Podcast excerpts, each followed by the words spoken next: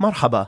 أنا الحخام الحنان ميلر وهذا بودكاست يهود الشرق الأوسط الذي يقدم لكم لمحة عن الحياة اليهودية المتنوعة والغنية في الشرق الأوسط وشمال إفريقيا في الماضي والحاضر.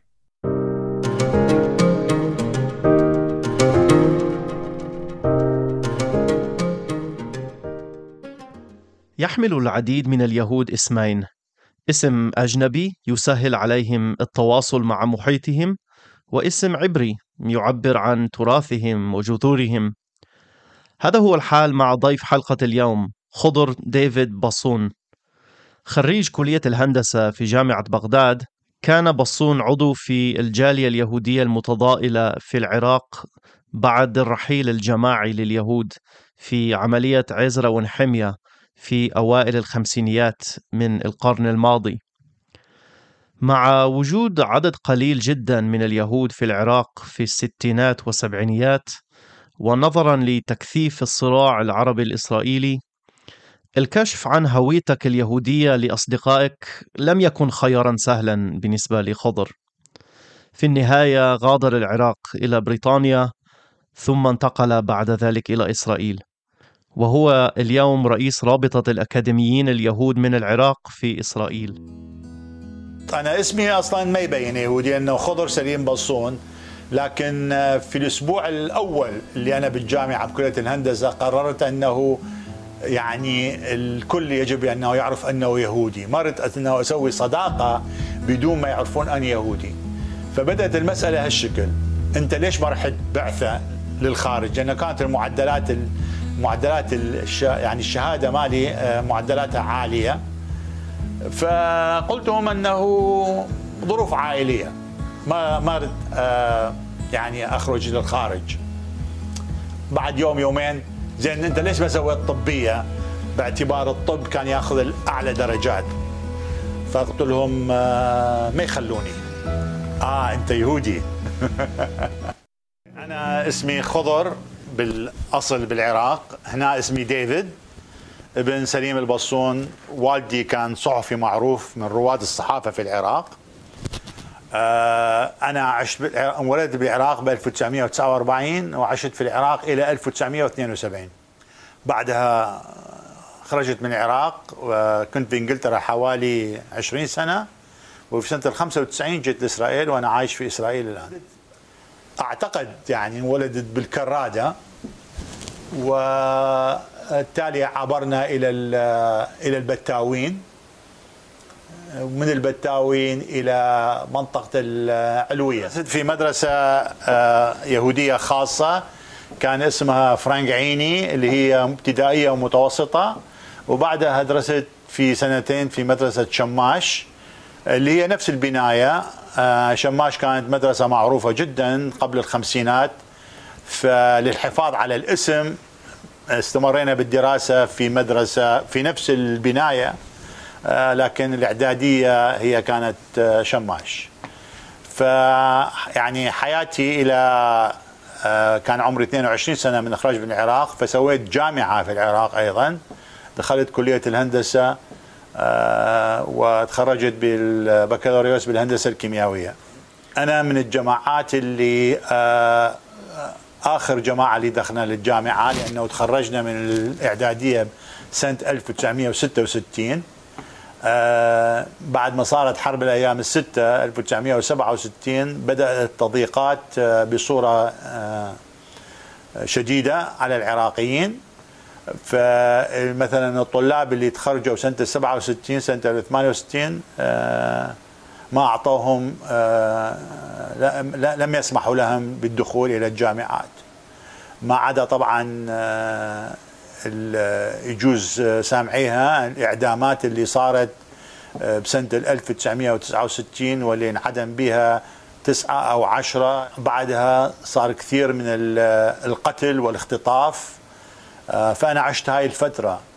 آه، في سنة السبعين بدأوا اليهود آه، يهربون عن طريق شمال العراق عن طريق كردستان وفي غضون تقريبا سنتين معظم اليهود هربوا والباقين الحكومة قررت أنه تعطي جوازات سفر و بغضون أربع خمس سنوات تقريبا آه، كل الجالية اليهودية اللي كانت موجودة في الستينات بداية السبعينات اللي كان عددها حوالي 3000 3200 تقريبا آه، خرجوا من العراق.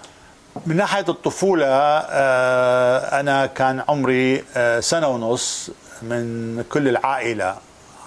يعني جديتي أعمامي آه، أولاد خالي أولاد عمي كلهم آه، هاجروا من العراق في عمليه عزره ونخاميه اللي هي الهجرة الجماعية لليهود. آه، ما عدا والدي ووالدتي طبعا أنا كنت ما قلت سنة ونص وخالي. فكبرت في محيط ما عندي أهل يعني ما عندي العائلة الكبرى. آه والدي كان صحفي على المحسوب على التيار الليبرالي الديمقراطي. بعد آه تقريبا آه، شهر من زواجه حكموا عليه بالحكم ابعاد إلى بدره آه، نقطة على الحدود العراقية الإيرانية. وهناك تعرف على ضابط شرطة آه، اللي كان مسؤول عن مركز الشرطة اللي المفروض أنه يسجل كل يوم فصار صداقة معه وصارت صداقة عائلية فمن بعد رجع لبغداد ورجعت العائلة المسلمة إلى بغداد. أنا تقريبا تربيت بيت العائلة المسلمة من بيت العاني. وتعلمت اللهجة العراقية المسلمة قبل اللهجة اليهودية. فالمحيط آه، كله كان آه، بالنسبة لي يهودي ما عدا الشارع اللي كنا نطلع ونلعب مع الأولاد المسلمين. آه، أما من ناحية والدي فكان محيطه كله مسلم لأنه بسبب الشغل عمله في الصحافة فكل الأصدقاء كانوا مسلمين أو مسيحيين أو من كل الأطياف. ولم يكن عندي أصدقاء مسلمين إلى أن خلصت الجامعة خلصت المدرسة فمن دخلت للجامعة جامعة بغداد صار عندنا أصدقاء كلش آه، كثيرين من المسلمين والمسيحيين وبقوا على هذه الصداقة آه، كل السنين بحيث آه، قسم من عندهم خرجوا من العراق عقب 30 40 سنة وحاولوا الاتصال بي وأنا مع مع علاقة طيبة معهم. الفترة الملكية أنا كنت تقريبا حوالي تسع سنين من صارت الثورة آه، من صارت الثورة عبد الكريم قاسم الفترة خمس سنين كانت فترة جيدة جدا من اليهود العراق كان مساواة آه، صارت 1963 يعني عمري 14 سنة. صارت بدأت التضييقات والمشاكل اللي مثلا آه، لم يسمح لليهود العراقيين بالخروج من العراق. آه، أعطونا آه، جنسي هوية عدم إسقاط الجنسية هوية صفراء بس لليهود. والوضعية ساءت أزيد وأزيد بحدوث حرب الأيام الستة. فيعني مريت بكل الظروف بظروف اللي العهد الملكي والعهد الجمهوري مال عبد الكريم قاسم والعهد البعثيين والقوميين.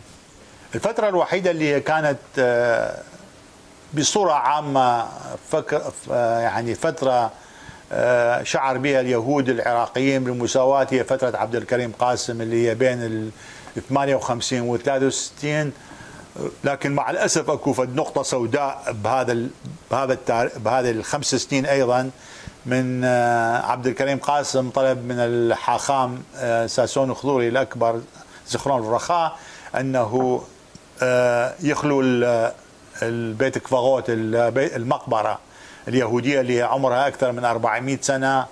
وفي صيف حار 1961 اضطروا اليهود أنه يخلوا هذه المقبرة إلى مقبرة أخرى لأنه الزعيم رادي يبني برج. فيعني حتى بهذه الفترة اللي إحنا نعتبرها فترة آه، من أحسن الفترات أو العهد الذهبي لليهود العراق هم كان أكو مشكلة. وكثير من اليهود العراقيين بدأوا يتشبعون بالثقافة العربية. يعني شنو الثقافة العربية؟ يعني يتكلمون باللغة العربية ويكتبون باللغة العربية. وجاء جيل اللي هو في بداية العشرينات والثلاثينات بداية الدولة العراقية أنه يشعرون أنهم عراقيين مو عرب عراقيين. لكن آه، بظهور النازية في أوروبا وتأثيرها على القوم وتأثيرها على على العراق والقومين العربيين القومية العربية بدأت أحوال اليهود آه، تدهور بحيث أنه صار الفرهود وهو البوغروم 1941 اللي انقتل تقريبا حوالي 180 ويمكن أكثر وفوق ال 800 جريح وبيوت تهدمت و... فهذه كانت الضربة اللي بقت بالمخيلة اليهودية العراقية بحيث أنه من صارت سنة 1950 51 وانفتح الطريق للخروج خرجوا أكثرهم بصورة جماعية. يعني يجوز هاي أنقذت ال ال ال يعني الجالية بخروجها من ال من العراق إلى إسرائيل إلى محيط يهودي كامل يجوز ما أثرت نفس مثلا ما صار بأوروبا. ولو الشيء اختلف لأنه بالعراق اليهودي الرجل ما يقدر يتزوج مسلمة. اليهودية تقدر تتزوج مسلم وهذا كلش قليل صار والعائلة قطعت العلاقة. بينما مثلا بأوروبا من صارت ال liberalization يعني ال secular أو العلمانية, العلمانية آه ماكو هالتقييدات الموجودة. فتشوف اليهود إذا ما يحتفظون بالهوية كل الصعب أنه يكونون علمانيين في محيط اللي هو خارج إسرائيل. ف ما يصير علماني وما يلزم شب آه، سبت وما عنده آه، علاقة مع اليهودية وما يروح للصلاة. طبعا الخطوة الأخرى أنه يتزوج أيضا آه، مثل ما يقولون ما يهودية. وشوية شوية تندثر العلاقة مع مع ال اليهودية. بالعراق ما مرينا بهالظروف. الجالية اليهودية أو المكون اليهودي كله اقتلع. والبقيه الباقية هم من يعني 3000 ما حد من عندنا تزوج خارج الدين. الجو ساء مثلا أنا دخلت بال بال 66 يعني صيف ال 66 صارت الحرب بعد سنة 67 الاعدامات صارت بال 69 لكن حتى في فترة الحالكة يعني ما حد أذانا إحنا اللي كنا بجامعة بغداد. بينما اللي كانوا بجامعة الحكمة وهي جامعة الجزوت فاذر يعني الآباء النسيوعيين آه تعرضوا إلى الضرب والإهانة وإلى هذا. طبعا هاي ما عدا الإهانات الموجودة بالشارع البيوت كلها كانت مراقبة من قبل الأمن. ما كنا نقدر نتحرك آه يعني ثلاث كيلومترات بدون أن نخبر المخابرات آه، كثير من أصدقائنا تعرضوا دخلوا للسجون. آه، أنا شخصيا ما تعرضت أو والدي ما تعرض. والدي دخل بعدها يعني اعتقلوه ليوم واحد بذيك الفترة. بس آه، مثل مو مثل كثير من الناس اللي أما قتلوا أو أعدموا أو اختطفوا أو عذبوا أو بهذا الموضوع. فالمسألة تعتمد على آه، يعني على مثل ما يقولون التشانس هو واحد وشانسه مثلا آه، بسنة 1973 بعد ما طلعنا إحنا عائلة آه، قشقوش ذبحت كل العائلة الخمسة. سمير وفؤاد قشقوش كانوا معي بالصف. والبنت جويس كانت مع أختي بالصف والأب والواي هذا. هاي ب 73 بعد تقريبا ما بقى كثير من اليهود. مين ذبحهم؟ ما نعرف. على أكثرهم الأمن. قسم قالوا إنه يجوز بعد العملية مع بلبنان. هذا ينتقمون. بس تالي عقبة قالوا إنه هذا ناظم قزار اللي هو كان رئيس الأمن. ما حد يعرف الموضوع بس آه، ذبحوهم قطع قطعوا الجثث وما حد يعرف وينها. هذه ما عدا تقريبا يعني إحنا بالفترة اللي كنا بها اللي إحنا تقريبا حوالي 3000 فوق ال 50 واحد انقتل. يعني إذا تسويها نسبة مئوية واحد ونص بالمئة. واحد يعرف الأخ. آه كلنا قررنا بعد 67 بعد 68 كلنا قررنا إنه نترك العراق. المسألة كيف نترك العراق؟ فما صارت يعني الفرصة الأولى اللي هي بسنة 1970 عندما صار فد هدنة معينة بين الحكومة المركزية وبين الأكراد فانفتح طريق الشمال. فبدأوا اليهود يهربون عن طريق آه، الشمال آه، يعني بصورة غير شرعية كأنه يروحون آه، اصطياف ومن هناك يعبرون إلى إيران. إيران كانت بزمن الشاه. أنا في نهاية ال 71 في 72 طلعت. طلعت بجواز سفر آه، اللي هو عمليا همين مثل ما يقولون جواز سفر روحة بلا رجعة. ليش؟ لأنه كل من طلع بجواز بعد ثلاث أشهر هو يسقط إذا ما يرجع. فكانت بس مسألة أنه يعني آه، شرعية. فبقية اليهود طلعوا بجوازات سفر في نهاية السبعين 71 72 والدي الكتاب ماله آه، عن أحد الشعراء الكبار أو أكبر شاعر بالعالم العربي الجواهري آه، كان والد كان والدي صديقة. آه، فكتب كتاب عنه بقى مخطوطة لحوالي 40 سنة. وفي سنة 2013 صدر الكتاب بالعراق. ومولته وزارة الثقافة.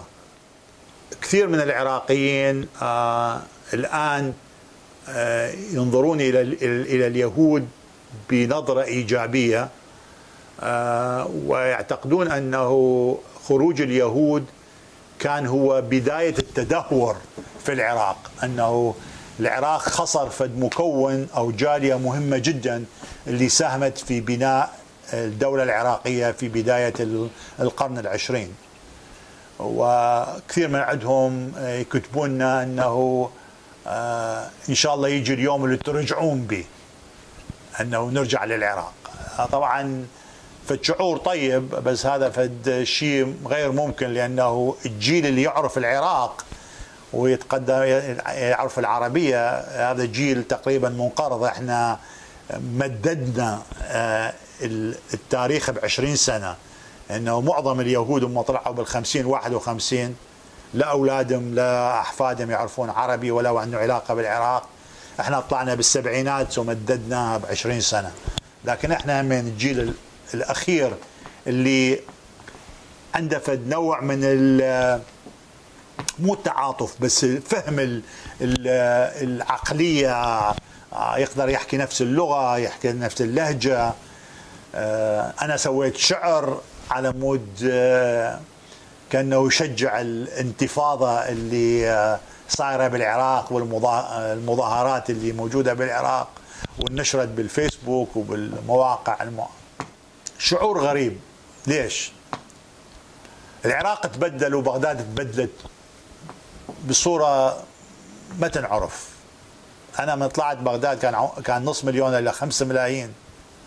أكو مناطق مثلا المدرسة مالي الملعب الشوارع اللي كنا نمشي بها آه، أحب أن أشوفها. أو الأماكن اللي كنت مف... كان لازم أشوفها وما شفتها. مثلا آه، خلينا نقول آه، أشياء أثرية.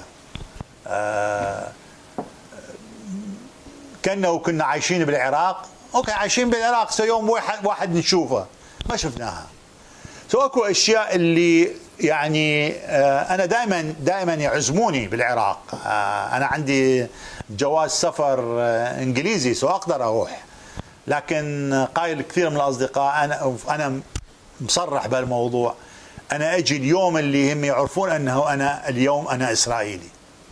ما أتخفى وأكون أقول أنا جايب باسبورت إنجليزي معناها بعد بعد المسألة أنه مو طبيعية. إن شاء الله يجي اليوم اللي يكون به شيء طبيعي أنه مثل ما يهودي إسرائيلي مغربي يروح للمغرب أو تونسي أو أو مصري يجي في اليوم بلكت يهودي عراقي يقدر يزور العراق. لكن من نوع من جهة أخرى يمكن الأفضل تتذكر العراق مثل ما كان ومثل ما هسه. هذه كانت حلقة يهود الشرق الأوسط لهذا اليوم ضمن مشروع أهل الكتاب. لا تنسوا زيارة موقع People of the Book وقنوات أهل الكتاب على مواقع التواصل الاجتماعي. وشكرا على حسن الاستماع.